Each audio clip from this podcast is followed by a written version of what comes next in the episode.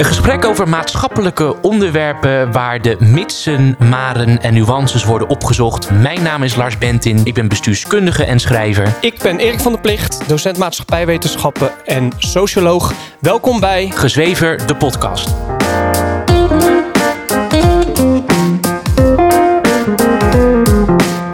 Wat ik wel steeds vaker hoor, want ik hoor het bij alles, ook bijvoorbeeld bij evenementen, daar hebben we dan een spreekuur over gehouden en ook met organisatoren, waar loop je dan tegenaan? De regels en vooral ook uh, dat je niet meer vroeger had je dan uh, ambtenaren die wel eens gewoon durfden te zeggen: Ja, het zal allemaal wel, we gaan dit nu gewoon even zo doen. Ja. Uh, dus gewoon af en toe even buiten die lijntjes kleuren. En ja, misschien is dat toch ook wel een klein beetje de politieke schuld. In ieder geval als je kijkt naar Den Haag je kan geen risico's meer nemen. Nee. Uh, alles wordt afgestraft en als een keer iets fout gaat, dan is het een probleem.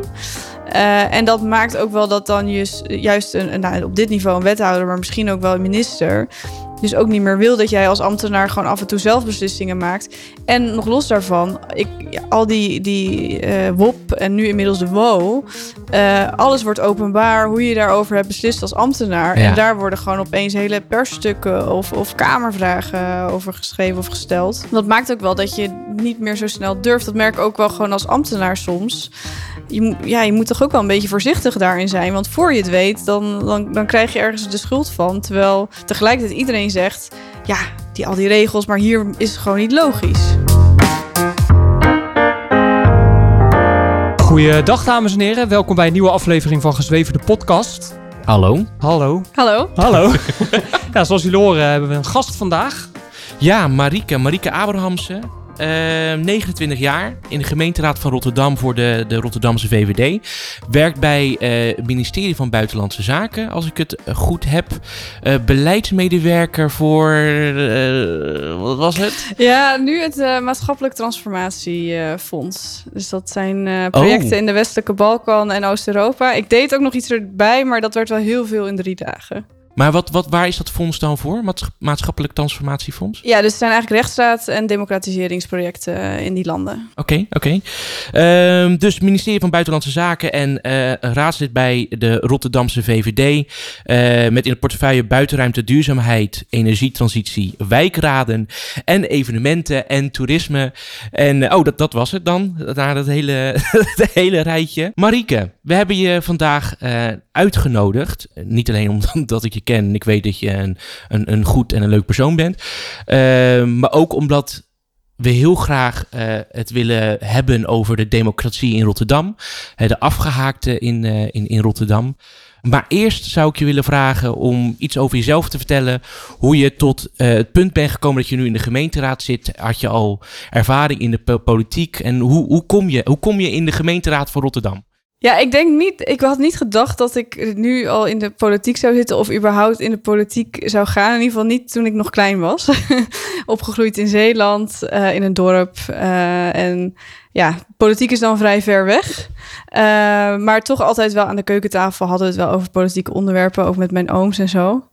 maar ik denk een beetje wanneer dat wat meer is gaan veranderen en vooral ook de urgentie om ook snel wat te willen veranderen in Nederland en misschien ook wel de wereld. Was toch ook omdat ja, mijn, mijn moeder is heel jong overleden. Uh, en dat drukt wel gelijk je neus op de feiten van het leven is niet zo lang als je misschien denkt. Ja. Dus ja, je moet er ook wat van maken. En wat wil ik dan in het leven? Wil ik plezier? Wil ik uh, familie? En bij mij is dat dan toch uh, ja, het verschil maken. Um, maar dat begon eigenlijk meer als uh, breed en uitvinden van wat is dat dan. Uh, dus ik heb wel gedebatteerd ook tijdens mijn studententijd. En vooral nog niet te snel een politieke partij kiezen. Ja. Uh, maar ja, op een gegeven moment begint dat dan toch wel uh, te prikkelen. En ook wel lid geworden van de JOVD en de VVD. Bij Liberal International nog stage gelopen. Oh, dat klopt, ja. ja. Leuk. Ja, dus dat was heel leuk.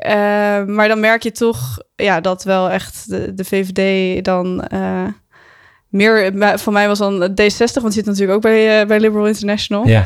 Uh, en dan ook ja, het internationale wel een beetje opgezocht. Een master gedaan in het buitenland, in Rusland, Russisch gestudeerd.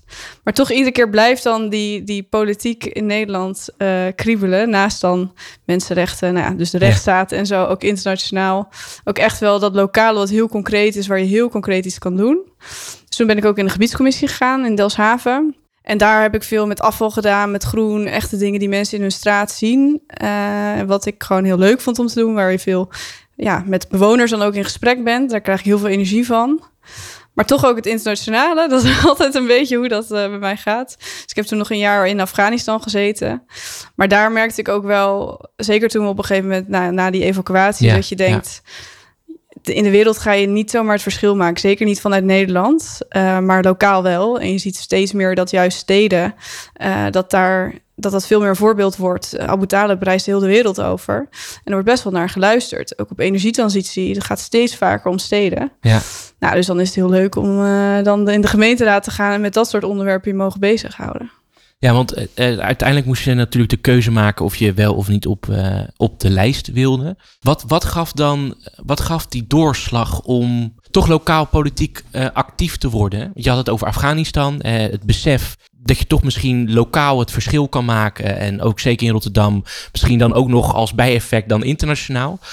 Uh, maar dan moet je toch op zo'n uh, op zo'n lijst. Wat, wat was het moment dat je dacht van... ik ga gewoon op de lijst van de VVD, de Rotterdamse VVD? Ja, ik denk dat ik sowieso in de gebiedscommissie zoiets had van... er zijn zoveel dingen die hier spelen die ik interessant vind... waar ik nog iets mee wil. Ik wil wel ook juist dat buitenland uitproberen. Kijken hoe ik dat vind. Maar dat bleef gewoon heel erg prikkelen. En zeker als je dan ook ziet wat je dan in zo'n gebiedscommissie wel echt kan doen. En ja. dat is nog heel anders dan gemeenteraad, want daar heb je eigenlijk nog veel minder mogelijkheden. Ja, dan dacht ik wel, in, ja, in, in de gemeente Rotterdam is ook echt wel een grote gemeente. Ja, daar is nog zoveel te doen. Daar wil ik echt graag mee aan de slag. En ook wel dat hoog over, dat blijft voor mij toch een beetje. Op het ene moment denk je, oh, je bent bezig met mensenrechten in Rusland te verbeteren, want je zit uh, in de VN te onderhandelen over een resolutie. Maar dat is dan ook zo vaak dat je na een paar keer denkt, ja, nee, maar eigenlijk, zeker als je nu ziet ook wat er steeds dan allemaal gebeurt, ja. daar ga je toch niet iets aan veranderen en dan kan je beter in je eigen stad dat wel doen en zorgen dat dat een voorbeeld is voor de Russen of voor Afghanen van dit is hoe het ook kan. Wat al moeilijk genoeg natuurlijk is in een, in een stad als. Ja, er zijn zoveel opgaven in Rotterdam. Ja. Dus dat. Uh, ja, dat, daar, dat. En dan merk ik ook als ik met die mensen dan de hele tijd praat. Dat, dat probeer ik ook veel te doen. Echt de ja. wijken in te gaan. Ja, dan kom ik na tien uur werken of twaalf uur werken thuis. Maar dan kan ik nog verder, zeg maar. Dus dat, ik vind dat ook wel een beetje een teken van wat, waar krijg je energie van. Daar moet je dan ook vooral mee doorgaan. Voordat we uh, doorgaan naar uh, die uitdagingen. Um, ik, ik vind jou een heel goed en nuchter persoon. Uh, politiek, naar mijn ervaring, um, is niet altijd heel nuchter. Um, wat, wat vind je tot nu toe. Wat, wat, wat valt je mee? Als in wat, wat, wat verrast je positief in de, in de Rotterdamse politiek? En wat dacht ja, wat vond je tegenvallen? Ik denk de sfeer in de raad viel me eigenlijk best wel mee. Uh, want iedereen heeft het natuurlijk over fragmentatie en uh, populisme en zo. En nou ja, we hadden de vorige raadsperiode, nou, niet we, want toen zat ik er zelf natuurlijk niet in. Maar Rotterdam had toen in ieder geval één raadslid die heel vaak uh, stennis schopte. Nieuwse. ja, ja. ja. um, en de sfeer was naar mijn idee dus niet altijd even goed. dus dat had ik ook een beetje nu verwacht. Maar ja, eigenlijk ook partijen waar je totaal niet mee eens bent. Uh, ja, achter de schermen kan je daar dan toch heel goed mee samenwerken. En dat is, is me wel heel erg meegevallen. Ik ben ook juist in wat uh, heb ik eigenlijk ook opgericht, deels wat raadsbrede werkgroepen van laten we het samen doen. En dat ja. gaat eigenlijk heel goed. En wat valt tegen? Ja, toch ook wel weer die snelheid dan om iets te ja? kunnen veranderen. Of ook, ja, het zijn toch hele processen. En je bent dan ook wel ambtenaar uh, naast het politieke werk. Dus je weet ook wel dat wat er een beetje moet gebeuren, maar toch in zo'n gemeente dan de juiste manier vinden van oké, ga je nu proberen even met de assistent van de wethouder of een wethouder zelf te ja. bellen om even snel iets te regelen? Of moet je echt aan een initiatiefvoorstel gaan werken of, of, of vragen erover stellen? Uh, dat, ja, dat vind ik nog wel, uh, wel lastig om echt erachter te komen en dan ook effectief uh, te zijn. Maar je wilt natuurlijk ook gelijk al van alles gaan doen. Maar ja. Toen ik mijn bachelorscriptie schreef, heb ik geleerd ehm, door artikelen te lezen dat de gemiddelde besluitvormingsprocessen om echt belangrijke zaken duurt gemiddeld tien jaar. Misschien is het op gemeenteniveau iets, uh, iets korter. Maar ik kan me voorstellen dat als je echt het verschil wil maken, wat je zegt, dat het uh, dat je lief, ja, dat het, dat het allemaal langer duurt dan je, dan je wil. En dat hoor je ook vaak van eigenlijk überhaupt mensen die net een werkgebied ingaan, ook in het onderwijs.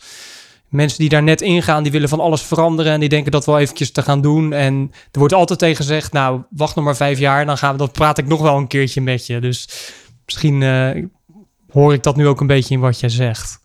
Het is wel, is wel ja, jammer. Je, kan ik me voorstellen, frustrerend ook soms.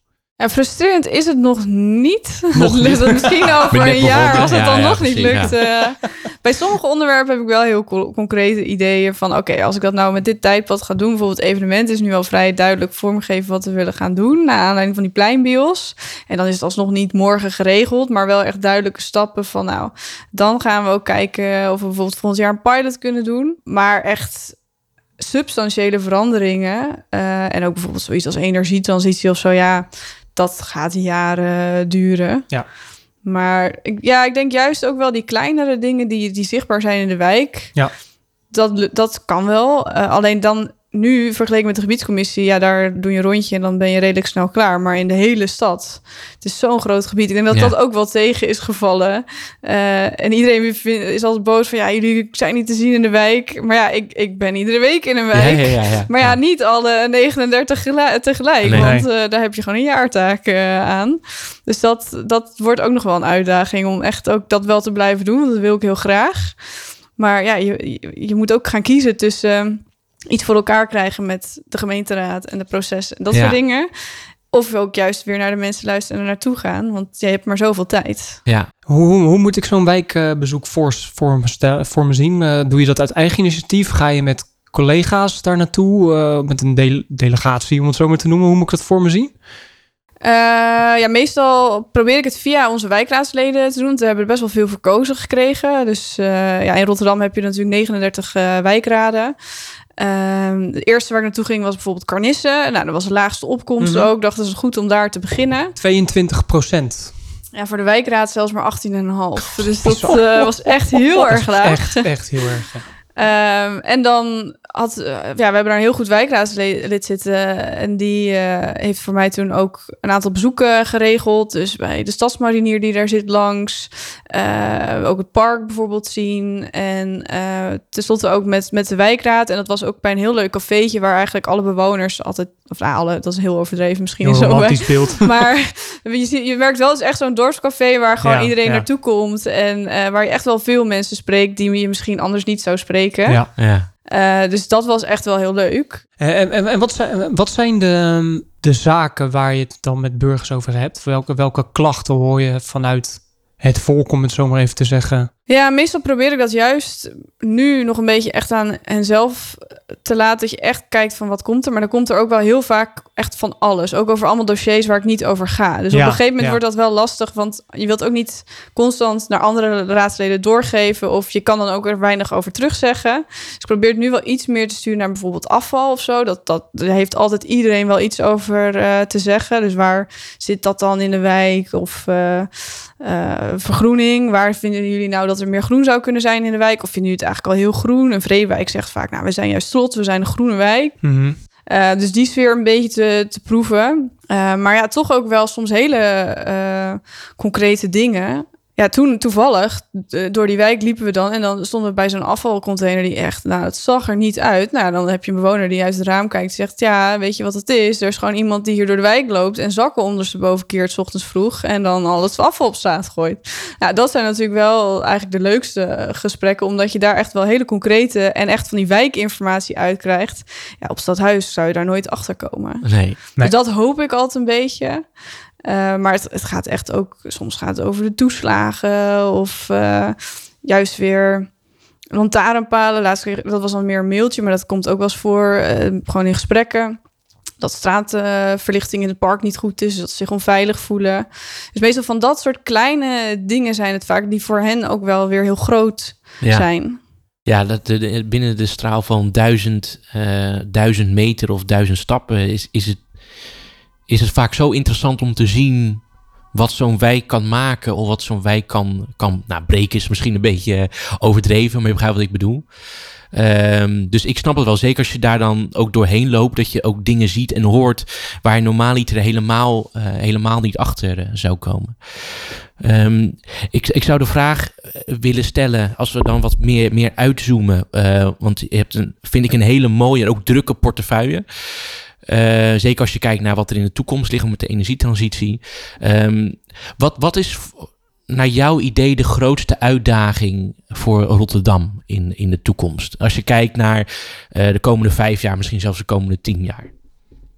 Ja, ik denk dat er een aantal zijn. En het is altijd het gevaar dat je nu natuurlijk een paar niet noemt. Mm -hmm. uh, kijk, er zitten ook dingen op, op, op woonbeleid of, of veiligheid, ondermijning en zo. Dat, dat wordt echt wel een uitdaging. Als je dat niet goed aanpakt, dan zit je echt wel met een probleem als stad.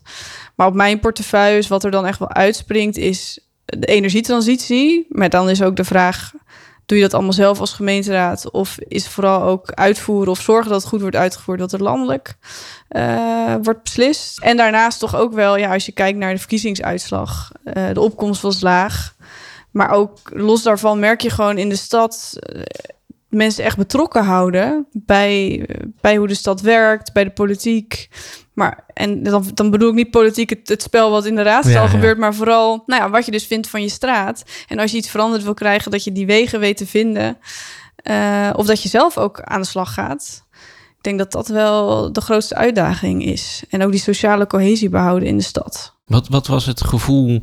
Nou, ik denk dat je op de uitslagenavond uh, een heel goed gevoel hebt. Zeker toen die, uh, die extra zetel er nog, uh, nog bij kwam. Maar wat, toen alles wat meer was ingezakt, wat gevoel hield je over toen je de opkomstpercentage zag? Misschien zelfs het moment dat je zag wat per wijk de opkomstpercentage was. Want het was, dat was natuurlijk dramatisch laag. Wat, wat gaat er dan door je heen op zo'n moment?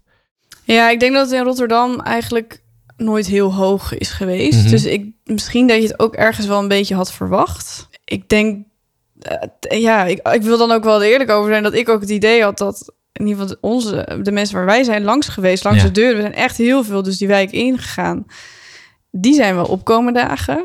Maar ja, als je echt iets wil gaan doen in de stad, zo'n nationaal programma Rotterdam Zuid en niet alleen komt er niemand stemmen, maar vervolgens wordt er dus een avond over georganiseerd. En nou ja, van, van duizenden brieven komen er maximaal honderd van zo'n heel gebied. Net zo groot als de stad Eindhoven. Ja. ja, dan maak ik me wel, wel zorgen. En dan vind ik het ook wel heel lastig om te zeggen dat ligt daaraan. Of we moeten het zus doen of we moeten het zo doen. Want er wordt ook heel veel geklaagd.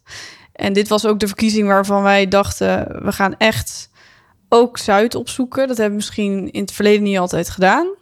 We focussen ook wel vaak echt op de VVD-wijken. Maar nu, nou ja, al onze borden, iedereen klaagt er op een gegeven moment zelfs over ja. van... ik wil ook een keertje een rondje rijden zonder een VVD'er te zien. maar ja, je kan niet zeggen dat we er niet waren. En toch, ja, uh, op heel veel plekken uh, maakt dat niet dan dat opeens alles omhoog schiet. Want je kan ook zeggen, stem ze weg. Dat wordt ook wel geroepen. Nou ja, ja. Dat, dat gebeurde ook niet echt. Dus ja, ik vind dat toch lastig. Uh, en vooral dat idee ook wel een beetje van...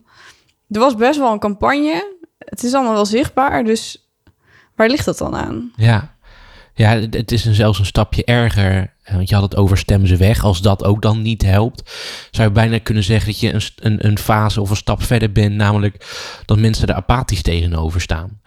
Uh, dat, dat is in een, in een democratie denk ik nog wel een stuk erger dan dat er boosheid is. Maar er wordt wel gestemd vanuit die boosheid op een partij of, of uh, noem maar op. Dus dat is zelfs blanco, zou nog kunnen. Um, wat, ik dan, wat ik dan heel erg interessant vind is, wat, dan besluit je dus om de wijken in te gaan. En wat hoor je dan van mensen als het gaat over het feit dat of ze niet gestemd hebben of dat ze misschien geen vertrouwen meer hebben. Wat, wat, wat, wat zeggen mensen dan? Ja, ik moet daar wel eerlijk over zijn dat ik nog niet de stappen bereik dat ik dan echt ook al die mensen spreek. En het zijn ook wel juist, denk ik, onze leeftijdsgenoten, waar ik ook. Dat zijn dan niet echt de mensen die ik direct ken, maar dan weer mensen die ik ken, die dan mensen kennen, ja. die dus niet hebben gestemd. Die zeiden: Oh ja, oh, ik was helemaal vergeten. Of ik had hem gelijk weggegooid. Of daar zit ook echt wel een stukje dat je denkt hebt niet helemaal door hoe het in andere landen soms is. Daar Ja. komt dan bij mij wel echt weer dat idee. Ja, in Rusland, wat ik daar heb gezien over mensen die gaan protesteren. Terwijl je, nou, wat je nu ziet, gewoon letterlijk naar het front wordt gegooid. eh, ge- of niet gegooid, maar Nou, bijna wel, ja. ja. gaat als je, als je dus eh, je uitspreekt. Dat, ik denk dat dat ook een groot deel is die, die gewoon dan te weinig ermee bezig is.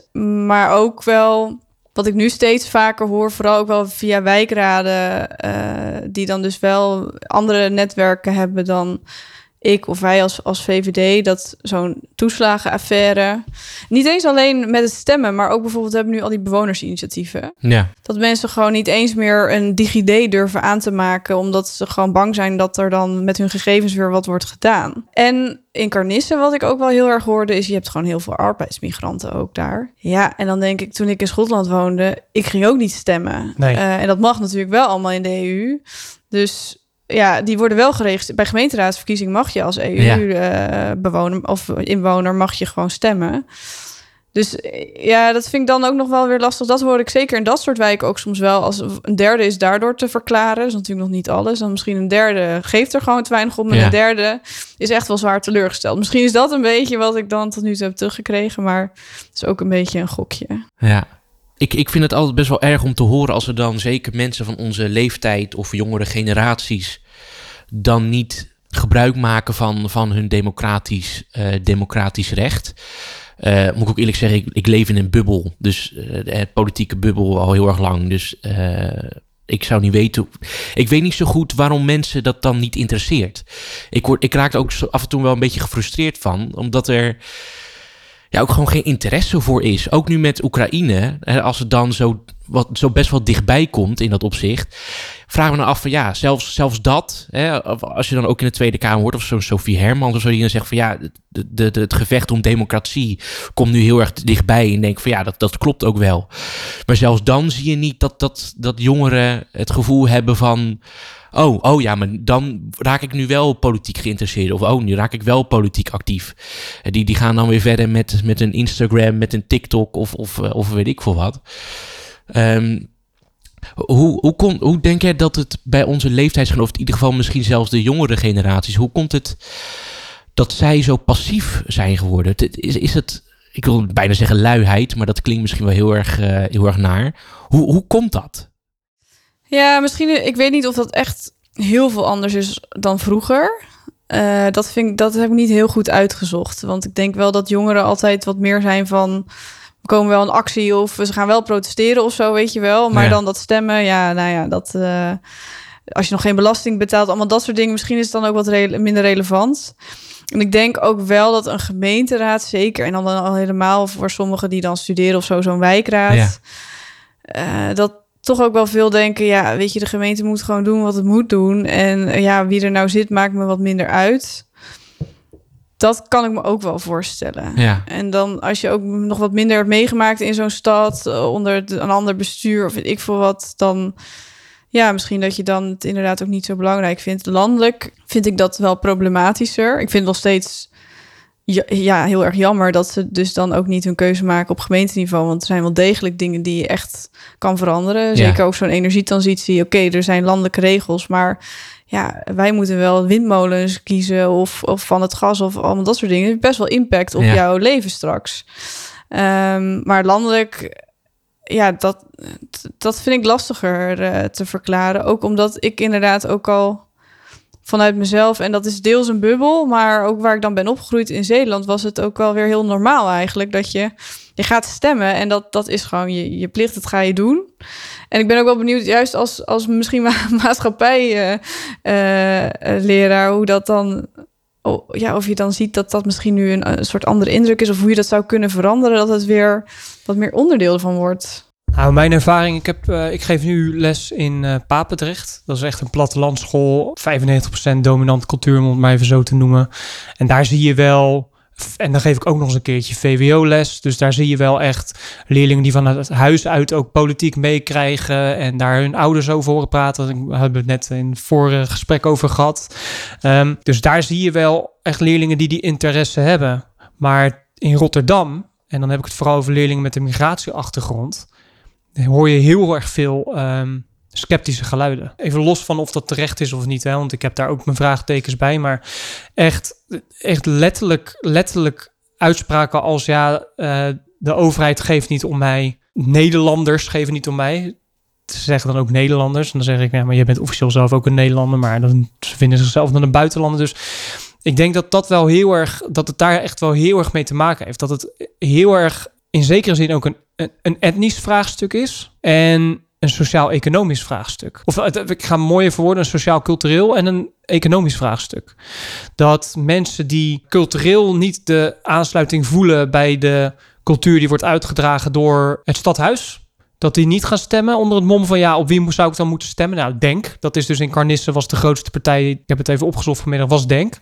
Er waren maar 22% van de mensen eens gaan stemmen. Maar daar is wel Denk dan de grootste partij. Dus die vertegenwoordigt wellicht nog wel die stem. En als je ziet dat in Rotterdam 1 op, 1 op de 5 Rotterdammers onder de armoedegrens leeft. Ik denk dat die mensen zich ook. Simpelweg misschien wel simpelweg echt gewoon iets beters te doen hebben dan te gaan stemmen. Dat zou ook nog eens een keertje kunnen. Hè? Dat ze denken van ja, waarom zou ik gaan stemmen als ik niet eens uh, genoeg, genoeg eten heb vanavond? Dat het echt, echt, echt op dat soort op zo'n bazaal niveau gewoon neerkomt.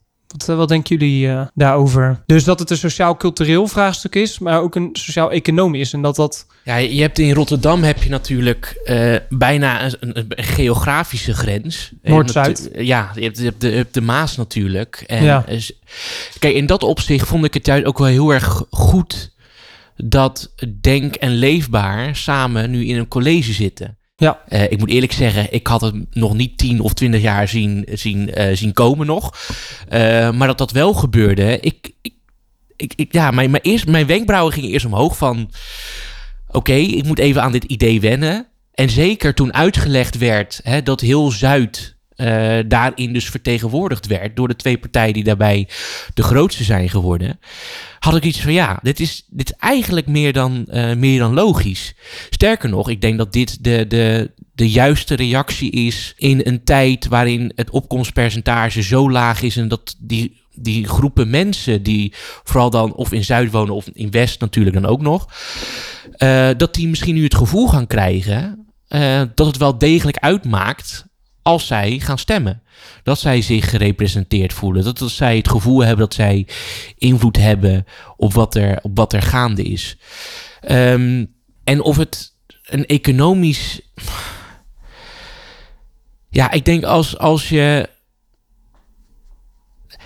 Ik, ik vind het heel naar om te denken als democratie een soort luxe product is geworden, blijkbaar. Dat als mensen simpelweg proberen te overleven. En in die overlevingsstand dat daar niet automatisch bij zit dat je gaat stemmen, zodat je het ook voor jezelf beter misschien kan maken. Uh, ik, ik vind het heel treurig om daar. Uh, uh, om daarover na te denken. En sociaal-cultureel ja, ik denk dat, je, dat jij dat dan meer ervaring hebt, omdat mijn, mijn, mijn bubbel is daar gewoon te sterk. Uh, nee, precies. En wat ik daarmee bedoel is dat ik, als ik twee leerlingengroepen tegenover elkaar zet. Ik heb ervaring met lesgeven in Rotterdam met klas waar 100% een uh, migratieachtergrond had. Gewoon letterlijk 100%. En klas in Papendrecht waar uh, vrijwel 100% een, een niet-migratieachtergrond niet -migratieachtergrond heeft. Dan zie ik die, dat, dat scepticisme in die klas met, met, met ja, vroeger mocht je dat nog uh, allochtone leerlingen noemen. Dat mag helaas niet meer. Met een migratieachtergrond, een leerling met een migratieachtergrond. Uh, daar is uh, sceptisch. Geen vertrouwen in dat, dat, dat mensen in positie met macht het beste met hen voor hebben en dergelijke. Die gaan natuurlijk straks, als ze de mogelijkheid hebben, ook niet stemmen. Omdat ze gewoon geen idee, niet het idee hebben dat het echt verschil gaat maken. Dus ik denk dat, dat bedoel ik met sociaal-cultureel, dat er ook op een gegeven moment in die gemeenschappen een sceptisch, uh, sceptisch discours ontstaat. Wat, van, wat van, van, van, van de oudere op de jongere generatie wordt overgedragen en onderling. Waar op een gegeven moment dan een discours ontstaat van ja, stemmen heeft toch geen zin. Dus uh, ik ga wel wat anders doen. Ja, ik denk dat ook deels de stad is. De stad versus platteland. Uh, want ja, in, in zo'n dorp of, of ook kleinere steden, het is allemaal veel dichterbij. Ja. En in een stad als Rotterdam, nou ja, 600.000 inwoners. En ook gewoon de afstand, weet je, als je van de metro van Nestlanden naar Hoek van Holland neemt, Mhm. nou, dan ben je bijna twee uur onderweg. En Ja. dat in één stad en één gemeentegrens. Je mag, de Hoek van Holland is dan niet onderdeel van de stad, het is echt een dorp. dat moet ik vooral altijd eh, zeggen en benadrukken. Eh, maar het is wel onderdeel van gemeente Rotterdam. En eh, ja, dat kan ik me ook wel voorstellen. En ik herken wel jouw beeld, want ik, ben naar, ik wilde naar alle jongerendebatten. Dat heb ik ook gedaan namens de VVD. Om ook gewoon wel te laten zien dat, nou ja, zo jong ben ik niet meer, maar wel de, de jongste in ieder geval in de top 10. Eh, onder de 30. En in de gemeenteraad ben je daarbij gelijk een van de volgens mij vier jongste raadsleden. Dat verbaast me ook wel een beetje. Maar echt inderdaad als feedback waar, kreeg je dan heel erg. Wij, wij willen denkstemmen. Ook vaak dat ze dan toch niet gingen stemmen. Maar als ze dan zouden stemmen, was het denk. Maar dan denk ik ook wel dat soort partijen, eh, die zijn er dan dus ook niet echt in geslaagd om die Nee, mensen precies, eh, op te is- laten komen dagen. Ja. Dat, eh, maar ook eh, wat ik ook wel merk, en daar twijfel ik heel erg over wat er nou in het beste is bij zo'n stad. Eh, aan de ene kant wil je het opschalen en efficiënter maken en daardoor belasting betalen. Want ja, je wilt ook niet onnodig veel geld van mensen vragen. Maar dat maakt ook wel dat het heel onpersoonlijk soms Ja. wordt. eh, en heel ver van mensen afstaat. En zo'n ja, gemeente Rotterdam, een website of iets, of een 14010-nummer, wat dan misschien een belcentrale heeft ergens in Arnhem of zo. Ik weet niet of het echt zo is, maar dat, het is in ieder geval niet in Rotterdam, of was het lang niet. Ja, als jij dan daar in Zuid woont en jij, jij hebt een vraag en ze weten niet wat de wijk is of de problemen die jij in je huis hebt. Eh, In Delfshaven zag je ook echt wel in die hele energietransitie dat sommige, nou ja, die hadden niet eens een normaal gasfornuis of zo. De, de bro- energiebron die is daar nog gebruikt, dat is zo achterstallig. Ja, als jij je, je stad een beetje kent, dan kan je veel beter op zoiets eh, reageren. En dan heb ik nog niet eens over de politici, maar ook gewoon zo'n apparaat natuurlijk, die eigenlijk het meeste eh, van het werk doet, juist die kleine dingetjes. Dat maakt ook wel, denk ik, dat ze veel meer die afstand voelen tot eh, zo'n zo'n gemeente. Dat is denk ik ook wel een onderdeel van een grote stad en waarom het voelt als iets niet voor hen. Of Mhm. van hen misschien ook wel. We hadden vroeger natuurlijk deelgemeenten. Eh, die zijn afgeschaft. Eh, wat, wat werd het? Toen, als je zit even te denken. Toen wat, werd het gebiedscommissie. Gebied, Gebiedscommissies, Ja, gebieds. ja. En nu zijn het wijkraden. Ik, ik, ben daar, ik ben daar heel sceptisch over. Eh, en, en dat is meer, er wordt een poging gedaan om het wat lokaler te maken. Eh, zeker met die wijkraden. Maar aan de andere kant eh, heeft zo'n wijkraad, naar mijn idee, ook veel minder invloed dan wat die lokaliteit had met een, met een deelgemeente. Ehm, het is vast heel erg goed bedoeld, maar ik heb ook het idee dat het daardoor ook een beetje verzwakt wordt. Alsof het een soort deelcommissie is waar, ja, waar dan dingen gezegd kunnen worden. En die ook misschien doorgecommuniceerd worden naar het stadhuis. Maar waar, waar uiteindelijk misschien niet heel veel daadkracht in zit. Eh, zie, zie ik dat verkeerd? Ben ik daar onterecht sceptisch over? Of hoe, hoe zie jij dat als het gaat om het overstappen naar zo'n wijkraad? Ja, en dan bedoel je de wijkraad specifiek. Want ik ben wel een voorstander van in zo'n grote stad toch het deels opdelen om gewoon Ja, ja, tuurlijk, wel. ja, ja, eh, ja. maar er zijn ook mensen die vinden eh, dat dat niet zo Dat, zou dat moeten helemaal afgeschaft. Ja, Oké, En ik denk in zo'n grote stad met 45 raadsleden die part-time werken, red je het gewoon niet zonder ook echt juist iets decentraal te hebben. Nou, de VVD was in eerste instantie geen voorstander van wijkraden. Inderdaad, deels omdat ja, die vuist die wordt nog eh, zwakker. Je hebt ook dat dus eh, aan de ene kant is het goed dat natuurlijk iedereen zich verkiesbaar kan stellen. Kon onder het andere systeem ook al wel, maar het was wel heel ingewikkeld.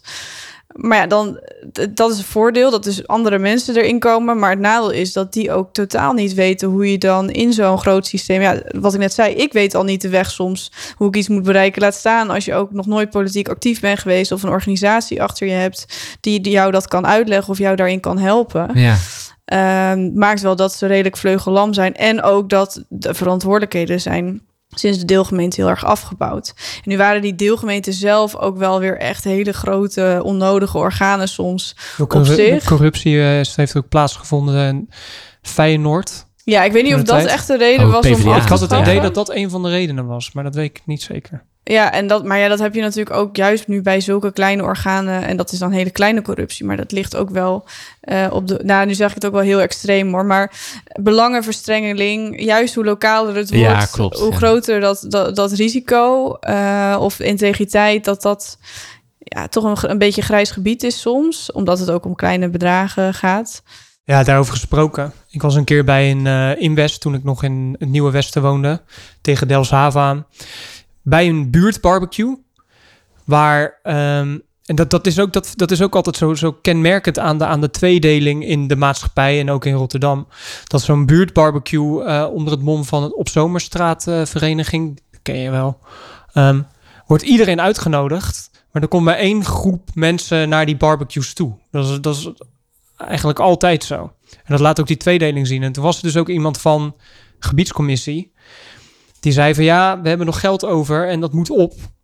Uh, dus uh, zijn er nog dingen die er moeten, moeten veranderen, weet je wel? Want we moeten dat geld, we moeten dat geld opmaken. Zo, maar waarom moet je dat geld opmaken? Ja, we hebben dat geld nog. Dus, weet je, dus dan, krijg je een beetje, dan ga je een beetje dat soort dingen krijgen, weet je wel? En dan kon je het uitgeven aan uh, op zich wel belangrijke zaken als uh, zebrapaden en dergelijke ging het dan over. Maar je gaat natuurlijk ook, inderdaad, hoe lokaler het wordt, hoe meer het wordt van ja, we moeten, we gaan het maar gewoon ergens aan uitgeven, want dan hebben we het in ieder geval uitgegeven. Dus dat en er is ook, er is vooral geen journalistieke controle. Nee, meer. dat.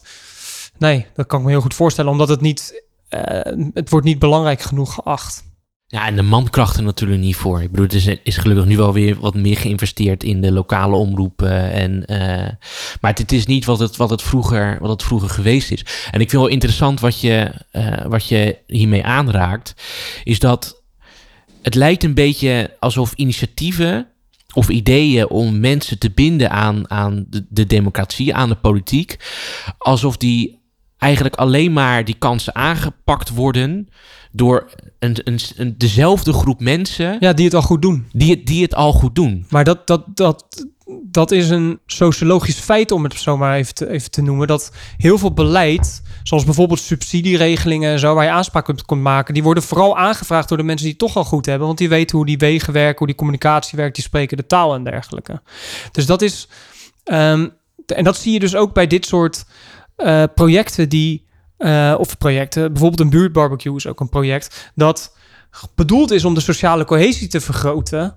De mensen die daarop afkomen zijn de mensen die onderling toch al sociale cohesie ervaren. Dus, dus heel. Het probleem wat de politiek in Nederland, maar ook in Rotterdam ervaart, zie je ook op, op, zo, op microniveau plaatsvinden bij zoiets simpels als een buurtbarbecue. Ja, ik ben het deels snap ik, snap ik het wel en klopt dat natuurlijk ook wel. Alleen denk ik dat het qua gevolg toch soms anders is. Ik ben niet nu opeens een groot voorstander van zomaar miljoenen pompen in allemaal buurtbarbecues, omdat dan opeens iedereen aangehaakt. Maar wel uh, het idee dat door dat je in ieder geval start met de usual suspects. Uh, dat je dan daaromheen weer een netwerk opbouwt met mensen. Dat moet, daar moet je wel actief iets aan doen natuurlijk. Maar zo probeer ik het zelf ook te doen. Eerst in ieder geval de spelers in zo'n wijk leren kennen. Die breng je dan weer in contact met bewoners die jou normaal gesproken niet zouden hebben benaderd. En zij kennen dan weer mensen als je een beetje vertrouwen van... oh, maar wacht, je bent daarmee bezig. Uh, bijvoorbeeld vergroening. Ja, deze bewoners willen al heel, heel lang wat. Uh, ja. Maar die zijn niet onderdeel van een stichting of zo. En dan, dan kom je toch daar een beetje in terecht. En dat is soms ook met die, met die initiatieven. Dat, dat is soms jaren investeren. Uh, en wat mij dus heeft verbaasd over de wijkraden is deels waarom het nu niet zo goed werkt. Er zitten dus echt mensen in die dus nog nooit echt actief zijn geweest in de politiek. Dat betekent ook dat ze nu echt zich afvragen van maar hoe kan ik nou echt iets voor elkaar krijgen? Want daar is ja. ook weer niet zo heel goed over nagedacht, denk ik, bij dit systeem. of in ieder geval de verwachtingen zijn verkeerd uh, gewekt. Dus het liefst Hoezo, zou je... Wat, wat, wat, denken, waar zijn, wat denken ze wat ze voor elkaar kunnen krijgen dan? Nou ja, armoede in zo'n wijk helemaal aanpakken. Ja, of, uh, of de jeugd uh, daar allemaal faciliteiten voor oprichten. En dat zijn hele belangrijke signalen. Dus daarvoor zijn ook die wijkraden. Maar ze willen dat natuurlijk ook direct gaan oplossen. En daarvoor hebben ze helemaal niks gekregen. Geen nee. enkel mandaat. En daarvoor moeten ze ons dan weten te vinden. Maar dat is nou juist precies waar ze minder vertrouwen ja. in hebben. En dat vond ik wel bij de gebiedscommissies. Uh, en dat is denk ik, dat zou voor mij een wat idealere vorm zijn. Uh, dat je het net ietsje groter maakt, zodat je wel die lokale kennis hebt, maar net iets meer gebied. Ja. Uh, en daar wat specifieke taken. En nou ja, ik ben zelf al natuurlijk van de, van de buitenruimte, maar bijvoorbeeld vergroening of zo vind ik dan een interessante. Dat je echt kan zeggen, nou, waar in de wijk moet dat? Dat is ideaal voor zo'n zo orgaan om dat aan te wijzen. Maar misschien toch ook wel bij, bij sommige dingen als armoede. Ja, als zij een, een goed idee hebben. Uh, en dat, is, dat zou zo moeten gaan gebeuren in de wijkakkoorden. Maar dat duurt dan weer een jaar. En dan volgend jaar kunnen ze dan misschien ermee aan de slag. Dat ze daar toch een beetje doorheen kunnen breken. En kunnen aangeven, dit moet zo gebeuren. Maar ja, een gemeente zit ook met Europese aanbestedingen voor bijvoorbeeld een welzijnswerk. Ja ga daar maar eens een, uh, iets in veranderen of zo. Dat, is, dat zijn best wel grote structuren waar je van goede huizen moet komen om te zeggen: nee, we gaan het anders doen. Ik denk dat mensen daardoor ook wel. Uh, ga ik weer het woord gebruiken, apathisch worden. Um, en waarom? Omdat ze tegen dat soort bureaucratische, uh, ik zal maar zo, bureaucratische onzin te, daar tegenaan lopen en dingen willen veranderen. Terwijl het uiteindelijk niet kan, omdat de gemeente die, zit, die, is dan weer, die zit dan weer vast aan, aan landelijke regels of aan Europese regels. En ik heb ook een beetje het gevoel dat om hier een stoeprand weg te halen, en al zoveel processen erachter zitten dat ik ook heel erg moe zou worden op het moment dat je iets wil gaan veranderen, gaan veranderen in de wijk. Um, alsof een, een, een fietsenstalling hier plaatsen al, al vier, vijf jaar nodig heeft voordat je het uiteindelijk ook echt kan plaatsen. Dus afgehaakt Rotterdam, denk ik ook gewoon dat het allemaal te, te lang en te moeilijk vindt om daadwerkelijk ook, ook mee te doen omdat je uiteindelijk niets liever wil dan gewoon een aantal dingen concreet in je wijk veranderd zien eh, willen worden. Zoals een stoeprand, zoals een paar bomen, zoals een, een, een, wat, gras of, of weet ik veel wat. Terwijl je daar alweer een nota voor nodig hebt uh, binnen zo'n binnen zo'n gemeente om dat voor elkaar te krijgen. Dus wat, wat, wat zie jij aan de kant van, van de gemeente, wat ze kunnen veranderen om die concrete wensen op, op wijkniveau sneller te kunnen doorvoeren of sneller te kunnen veranderen. Kan de gemeente daar überhaupt iets, iets mee doen? Kunnen ze processen sneller maken of weet ik wat? Kan de gemeente iets doen daartegen of daarvoor? Ja, dan ben ik geen juridische eh, expert, dus dat, uh, daar kan ik het niet eh, over hebben. Maar ja, wat ik wel steeds vaker hoor. Want ik hoor het bij alles, ook bijvoorbeeld bij evenementen. Daar hebben we dan een spreekuur over gehouden. En ook met organisatoren. Waar loop je dan tegenaan? De regels. En vooral ook dat je niet meer. Vroeger had je dan uh, ambtenaren die wel eens gewoon durfden te zeggen: Ja, het zal allemaal wel, we gaan dit nu gewoon even zo doen. Ja. Uh, dus gewoon af en toe even buiten die lijntjes kleuren. En ja, misschien is dat toch ook wel een klein beetje de politiek schuld. In ieder geval, als je kijkt naar Den Haag je kan geen risico's meer nemen. Uh, alles wordt afgestraft. En als een keer iets fout gaat, dan is het een probleem. Uh, en dat maakt ook wel dat dan juist, juist een, nou, op dit niveau een wethouder, maar misschien ook wel een minister. Dus ook niet meer wil dat jij als ambtenaar gewoon af en toe zelf beslissingen maakt. En nog los daarvan, ik, al die, die uh, WOP en nu inmiddels de WO. Uh, alles wordt openbaar, hoe je daarover hebt beslist als ambtenaar. Ja. En daar worden gewoon opeens hele persstukken of, of kamervragen over geschreven of gesteld. Dat maakt ook wel dat je niet meer zo snel durft. Dat merk ik ook wel gewoon als ambtenaar soms. Je, ja, je moet toch ook wel een beetje voorzichtig daarin zijn. Want voor je het weet, dan, dan, dan krijg je ergens de schuld van. Terwijl tegelijkertijd iedereen zegt: ja, die, al die regels, maar hier is het gewoon niet logisch. Ja, dit, dit, dit is inderdaad de paradox. Je wil enerzijds wil men dat alles zoveel mogelijk in processen uh, wordt vastgelegd, zodat uh, er zoveel mogelijk gelijkheid uh, en dergelijke is, zodat iedereen zoveel mogelijk gelijk wordt behandeld. maar anderzijds krijg je dan inderdaad het probleem wat jij net omschrijft. Dat is ook een, wat mij betreft ook wel een van de nadelen, ja, toch wel nadelen van alles maar vast willen leggen in wetten en, en reglementen. En, en misschien komen we daar op een iets fundamenteler punt terecht, dat iedereen dat, dat, dat, dat de overheid in beleid altijd zo breed, of tenminste of zo, op zo breed mogelijk publiek toepasbaar moet maken. En dat het altijd zo gelijkwaar of zo gelijk mogelijk moet zijn. Dus dat je moeilijk kan zeggen van ja, we weten dat, laat ik het zo zeggen. Je hebt bijvoorbeeld Kralingen, waar dat zijn vaak gewoon hele mooie straten, bomen en zo. De, de Lustofstraat, een hele mooie straat met uh, allemaal bomen en zo. Daar is simpelweg wat minder aandacht van de overheid nodig, om het maar even heel plat te zeggen, dan in, uh, in Carnissen waar jij uh, bent geweest. Maar ik heb het idee dat de overheid toch dat niet zo wil uitstralen van ja, sorry Kralingen, maar jullie hebben gewoon even wat minder aandacht nodig, want we hebben eventjes andere buurten waar we naartoe moeten. Klopt die analyse, denk je, dat van mij of, of niet? Nou ja, ik vind dat heel lastig om te zeggen, want dan zou je echt naar budgetten en dat soort dingen uh, moeten kijken. Ehm, we proberen uiteindelijk, denk ik wel dat nog de verdeling is. Iedere wijk moet ongeveer evenveel krijgen. Maar als je kijkt naar Zuid, nou, Nationaal Programma Rotterdam-Zuid, ja, ja, flinke investeringen. Uh, maar dan toch ook weer bij zoiets krijg je dan terug uh, ik was dus in, in die wijk, uh, dat was dan dus Carnisse ook weer. Uh, hele mooie projecten. En dan ging het over baankansen. En toen zei ik: Goh, maar misschien vanuit het Nationaal Programma Rotterdam Zuid kun je dan niet zorgen dat mensen uit de buurt hier in de buurt een baan krijgen? Want dat is wat ze in Delfshaven vanuit de gebiedscommissie zelf een beetje mee aan de slag waren. Zo'n Jumbo daar die zegt: Ik wil graag mensen aannemen uit de buurt. En die jongeren hebben dan een bijbaan, raken niet in de criminaliteit. Nou, top. En dan werd er gezegd: nee, we hebben afgesproken dat we alleen via sectoren uh, een, een akkoord hebben en niet per wijk. En dat is dan soms zo lastig. Dan denk ik: ja, waarom niet? Waarom kunnen we niet even daar doorheen breken? En dat, soms gebeurt dat wel, maar een beetje politieke moed en soms ook ambtenaren moed, uh, ja, dat hebben we wel af en toe nodig, denk ja. ik. Want wat, wat jij net zegt, het gaat eigenlijk over de, de, de, de straatniveau bureaucraten, de street level bureaucrats, oh, ja, ja, die eigenlijk een discre discretionaire bevoegdheid hebben om op dagelijks niveau beslissingen te nemen die van impact zijn op burgers. Maar wat ik jou eigenlijk hoor zeggen is dat zij steeds meer uh, monddood zijn gemaakt. En ook eigenlijk gewoon steeds minder beslissingen zelf kunnen nemen onder het mom van... Um, risico's vermijden. Risico's vermijden. En dat vindt de minister of dat vindt de wethouder niet leuk en, enzovoorts.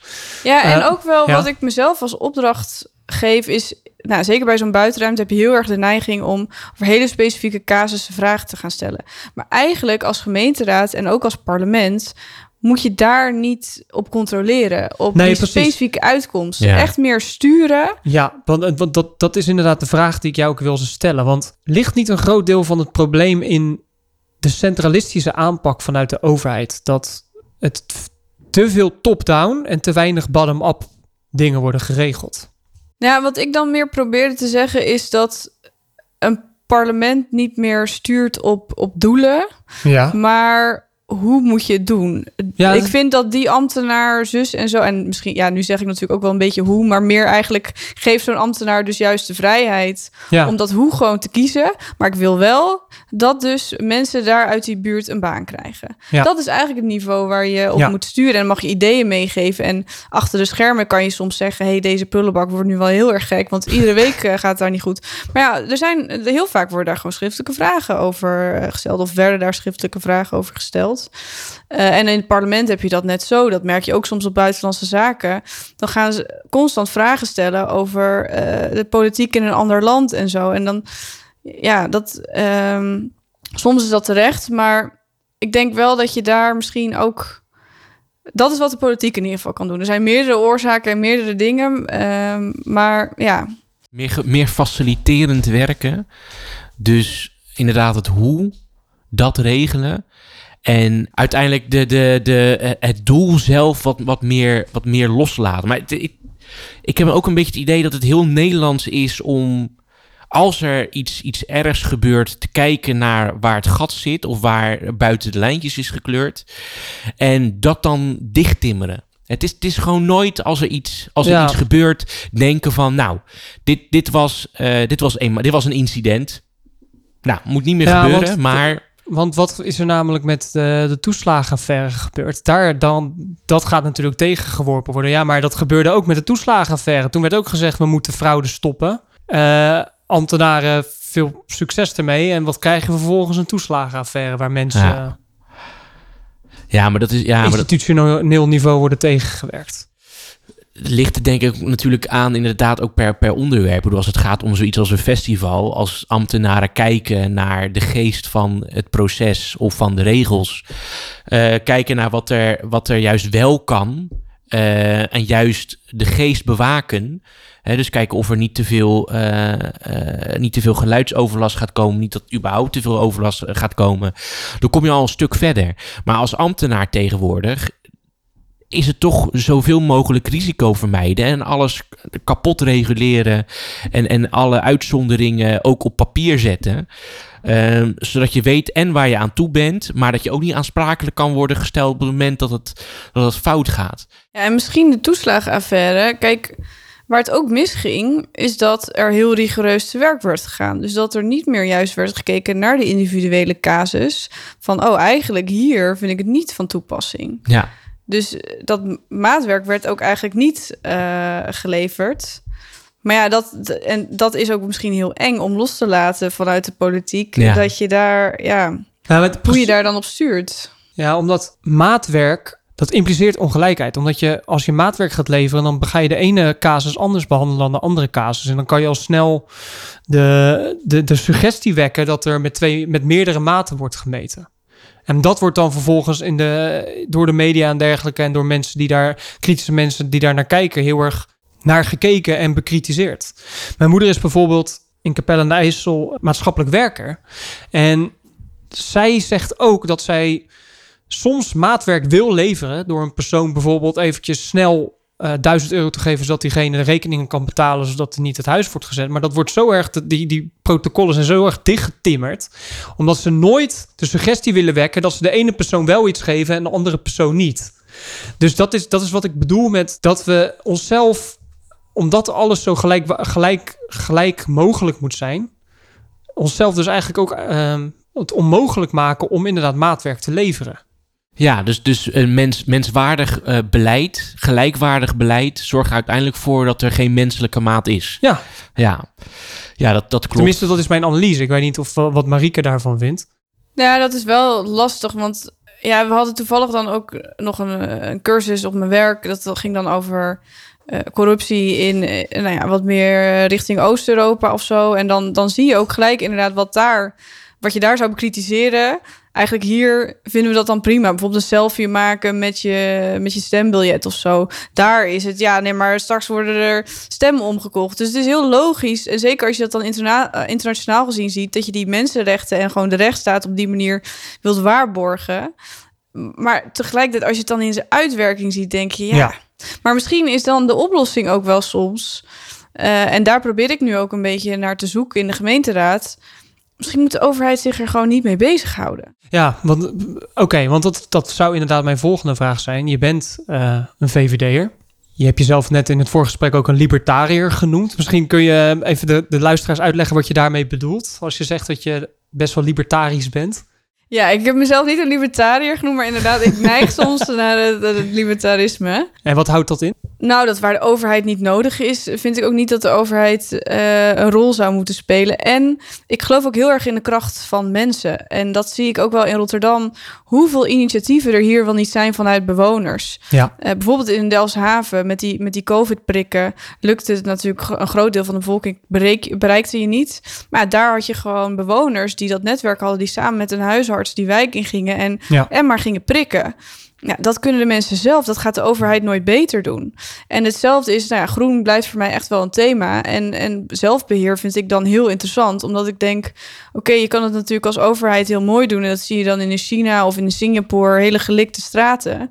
Maar in Nederland zie je dan ook wel, hoe meer de overheid doet, hoe minder mensen zich verantwoordelijk voelen. Ja, ja, dus klopt. mensen gaan juist afval op straat gooien en gaan niet meer iets van zeggen. Want ja, de overheid lost dat wel op. Ja, ja dat, het dus zelfs zo, dat gaat zelfs zo ver dat dat is in ieder geval een van de verklaringen waarom bijvoorbeeld in NS-treinen conducteurs in elkaar geslagen kunnen worden of agressie te verwerken krijgen terwijl een hele treincoupé vol zit.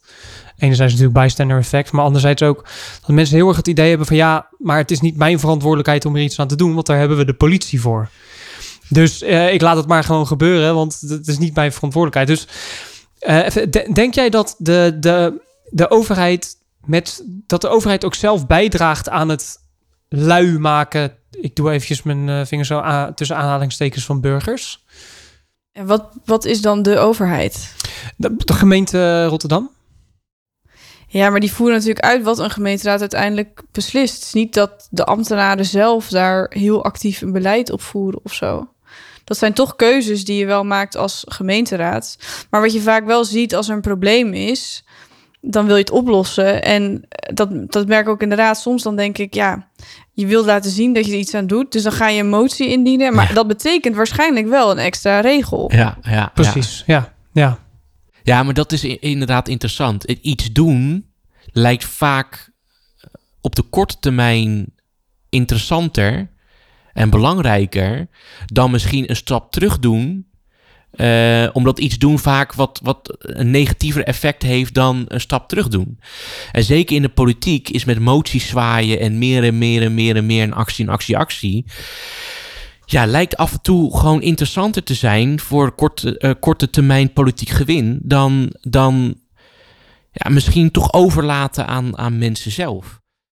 Mensen zijn ook uh, van nature meer geneigd om als een probleem als we tegen een probleem aanlopen om iets toe te voegen om dat probleem op te lossen in plaats van iets weg te halen. Ja, ja, ja, Je kunt in veel gevallen ook net zoveel bereiken door bijvoorbeeld een regel af te schaffen. Maar mensen zijn toch meer geneigd om iets toe te voegen. En ik denk dat het ook wel te maken heeft met uh, politiek en media. Omdat iets toevoegen, een nieuwe wet of een nieuwe regel of een nieuwe motie, daar kun je, daar kun je in, in, in de media veel meer mee om te laten zien, kijk, we doen er iets aan, dan te zeggen, we schaffen een regel af. Ja, ja, een regel bij of een actie erbij toont aan dat het jou boeit, dat je verantwoordelijkheid ervoor wilt nemen en dat je er iets aan wilt doen. Terwijl misschien een regel afschaffen of een stap terug doen eigenlijk bijna al impliceert dat het je niet interesseert. Terwijl het vaak misschien een beter effect kan hebben, uh, weet, weten liberalen, uh, dan, dan dan een, een regel toevoegen of een actie, uh, of een actie willen. Um, en, en dat brengt me ook wel een beetje bij, bij de volgende vraag. Want uh, Nationaal Programma Zuid. Uh, nou, ik zou niet weten hoe lang dat nu bestaat. Is dat nou 20 jaar oud nu bijna? Of... Ja, dat is dus ook niet mijn dossier. Nee, ik kan er ook niet te veel over zeggen. Maar en, ja, het is wel in verschillende vormen al, al redelijk lang bestaat. Ja, ik denk, ik zat toch te denken aan tien, maar het kan ook twintig jaar ja. zijn. Ja, ja want uh, de, de, het is niet jouw portefeuille, dat, dat begrijp ik, maar er gaat dus heel veel uh, geld daar naartoe. En, en toch lijkt het alsof die politieke en democratische betrokkenheid uh, afneemt. En ik, ik, ik, dat, ik ik begrijp dat niet zo. Ik begrijp gewoon niet zo goed wat, wat daar dan gebeurt. En ik vraag me af of jij misschien inzicht hebt in. Als er zoveel aandacht is, sterker nog, als er een, een landelijk programma ervoor is, hoe het kan dat je daar mensen alsnog kwijtraakt in, eh, als afgehaakten eh, op, op, op Zuid. En, heb je daar in je, in, in je werk als, als raadslid heb je daar enig inzicht in wat daar, wat daar dan gebeurt? Of wat er dan niet gebeurt juist? Nou, ik denk wel dat er sowieso in Rotterdam in de afgelopen twintig jaar enorm veel verbeterd is. Uh, ik ken Delfshaven beter en ook de, de verhalen, maar in grote opzichten is dat redelijk hetzelfde. Uh, nou, dat is misschien. Sommige mensen gaan heel boos op mij zijn, maar laat ik even die vergelijking zo maken. Want daar werd mij wel verteld door mensen. Ja, twintig jaar geleden, uh, dan lag er gewoon een dode junk bij ons uh, in de portiek. Ja. en dat zie je ook wel op Zuid, echt die excessen, maar ook een perron nul bij Centraal Station. Ik wilde net zeggen, inderdaad, ja, dat. Ja. Dat, dat is wel. Kan je eigenlijk niet meer voorstellen nu. Nee, dus dat en dat dat zijn natuurlijk ook wel stappen die met zulke programma's zijn gemaakt. En ook heel veel andere inzet. Um, maar het blijft wel een, een arm gedeelte van Rotterdam en Nederland. Uh, en zijn dat dan altijd dezelfde mensen? Of is dat waar je dan nog een plek kan vinden en dus waar altijd die mensen weer terechtkomen? Dat vind ja. ik ook wel lastig om te zeggen. Ja, um, ja dat is ja. een goed punt. Dat is inderdaad een, daar zo heb ik er nog niet over nagedacht. Het kan inderdaad ook zijn dat Rotterdam-Zuid zo sceptisch, slash apathisch, laag opkomstpercentage, omdat dat gebied een bepaalde groep mensen aantrekt. En dat de mensen die het goed Um, dat de mensen die uiteindelijk zeker sociaal-economisch erop vooruit gaan, Rotterdam-Zuid, uit Rotterdam-Zuid vertrekken en bijvoorbeeld naar de omringende buurt te gaan, waardoor inderdaad Rotterdam-Zuid uiteindelijk um, blijft wat het is. Ja, maar als je daar dus in, in ingrijpt, uh, bijvoorbeeld uh, dan uh, met, met woonbeleid, door daar dus allemaal straten te vernieuwen, of de Rotterdamwet. maar als je probeert om daar andere sociaal-economische groepen bij aan te trekken, om daar te laten wonen, dan raakt het ook weer, merk je dan een soort kern van de mensen aan die, die daar wonen en die het gevoel hebben dat het daar dramatisch verandert en, en de hele ziel van, van de wijk eruit gaat. Op het moment dat er naar hen inzicht uh, mensen vervangen worden. Dat, dat is natuurlijk het gevoel daar zo. Dus als je daar tijd, moeite en energie in steekt, lijkt het ook alsof het weerstand oproept, omdat dat juist misschien wat het nu al jarenlang is, eh, ehm, ook de problemen daar bijna ja, zuid maakt wat het is. Heb ik soms het gevoel. Als- Alsof, alsof mensen het ook niet, misschien niet echt willen dat het verandert, echt fundamenteel. Is dat, is dat een rare gedachte? Dat, dat juist verandering ook zorgt voor een bepaalde vorm van. Ja, hoe noem je dat? Eh, En dat is natuurlijk gentrificatie waar Tegen- mensen ja. tegen tegen- zijn. Ja. En wat, ik, wat mij steeds weer verbaast, hoe beter ik Rotterdam eh, dan steeds leer kennen, hoe, hoeveel mensen inderdaad eigenlijk jaren en generaties in een wijk wonen. Ja. En dat het gewoon, dat zeggen mensen ook wel eens, het zijn gewoon eh, eh, allemaal dorpen die dan een Ja. stad zijn geworden. En dat verschilt, maar bijvoorbeeld de tuindorpen op Zuid, daar zie je ook echt wel grote verschillen tussen. Eh, maar ja, ook, ook bijvoorbeeld een Krooswijk, als je daar dan een beetje in de geschiedenis duikt. Het idee dat, dat voor mijn huis, nou dat is hier ook dus vlakbij, Ja. eh, eh, een koeienmarkt was echt nog nou, 50 jaar geleden, denk ik. Nou, inmiddels 70 jaar geleden moet ik zeggen.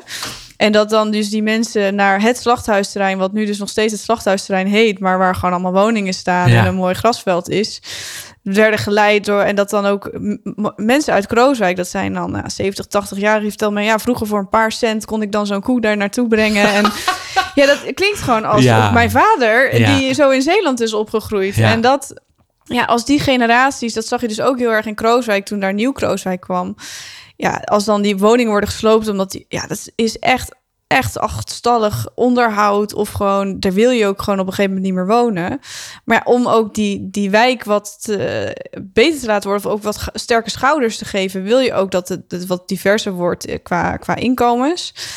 En dan, dat is natuurlijk ook wel heel erg als je dan eigenlijk in feite uit je dorp of Ja, uit je, ja, ja. dus zo voelt het dan soms eh, weg moet. Terwijl sommigen ook al wel dan bijvoorbeeld naar een Delfshaven of wat dan ook zijn gewoon. Maar het is meer denk ik het gevoel van mensen. Ja. En veel die laten dan ook zeggen van... ja, eigenlijk valt het ook wel mee. Eh, of juist dat nieuwe bewoners waar we het ook over hadden... helemaal op het begin natuurlijk... dat Ja. je ook een deel hebt die dus niet meer zo betrokken zijn met hun wijk. Die komen er ook bij wonen. Ja. Ik denk veel mensen die juist wel heel erg dan daar komen wonen en betrokken zijn... Ja. dat vinden ze dan op lange termijn minder erg. Maar dat, dat gevoel van, oh, onze, ons, ons, ons dorp, on- onze gemeenschap wordt uit elkaar getrokken... of worden allemaal mensen bijgezet die er niet bij horen... Ja. Ja, dat herken je ook dan wel op Zuid en, en breder in de, in de stad. Ja. Ja. Maar ik denk wel dat, je, dat het op sommige plekken wel moet gebeuren. Al is het alleen maar om dus inderdaad die woningen en de woonomstandigheden te verbeteren of gewoon woningen toe te voegen. En ook omdat ja, mensen wonen niet meer in grote gezinnen. Je hebt eens gezinswoningen nodig of oudere woningen. De stad verandert. Ja, ja want het- ik bedoel, er is natuurlijk een heel participatietraject ook met, met eh, het veranderen van die wijk, of in ieder geval het eh, herstellen van de woningen. Eh, of nieuwe woningen neerzetten, maar vaak gaat het om, om ontwikkeling en renovatie. Maar daar zie je dus ook die, die, het afgehaakt Rotterdam. Er wordt dus wel een poging gedaan om de avonden te organiseren of participatietrajecten op te zetten. Maar daarbij zie je dus ook weer dat dezelfde groepen dan vaak komen. En die vinden het dan vaak ofwel oké. En soms zijn er ook wel groepen, vaak dezelfde groepen, die bijna betrokken zijn met elke wijk in Rotterdam. Die dan zeggen: nee, dat is niet goed. En eh, eh, mensen worden de wijk uit, eh, uitgejaagd en zo. Maar je ziet toch vaak weinig mensen uit de wijk zelf, waar je het eigenlijk voor doet, daarbij langskomen bij die avonden. En ik vraag mij dan toch af van, wat zie jij voor de komende jaren in jouw rol als raadslid? Wat, wat denk je dat er concreet gedaan kan worden om afgehaakt Rotterdam dan toch weer te betrekken? Het kan ook zijn dat je nog niet weet, dat je nog aan het aftasten bent, met mensen aan het praten bent. Maar heb je misschien al een idee wat we überhaupt zouden kunnen doen om ervoor te zorgen dat die mensen weer aangehaakt worden? Nou ook voor jezelf als raadslid denk ik als prioriteit stellen om dus naar zo'n wijk toe te gaan. Eh, ook in een Krooswijk bijvoorbeeld. Het waren geen VVD, of ja, nee, het waren geen VVD'ers die ik daar sprak. Dat waren dan mensen die altijd P van de A stemden. Ja. En die zei: Ik ga ook niet op jou stemmen. Maar je ziet het weer, de VVD hangt er wel. En waar is de rest?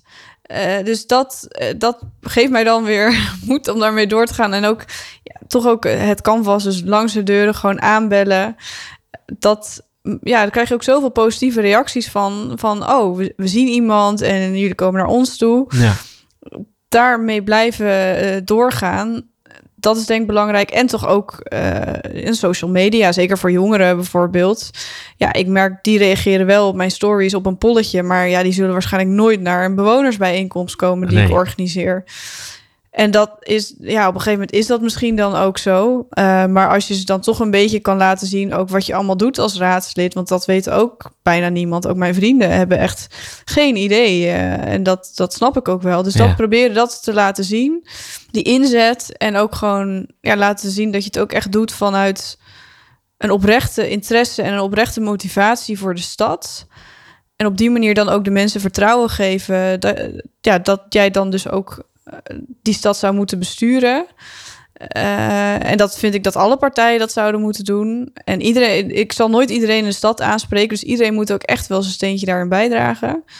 Ik denk dat we dat zo moeten aanpassen, pakken. Ja, want dat is inderdaad wel mijn volgende vraag. Waar houdt de verantwoordelijkheid van jou als raadslid op en begint de verantwoordelijkheid van de burgers?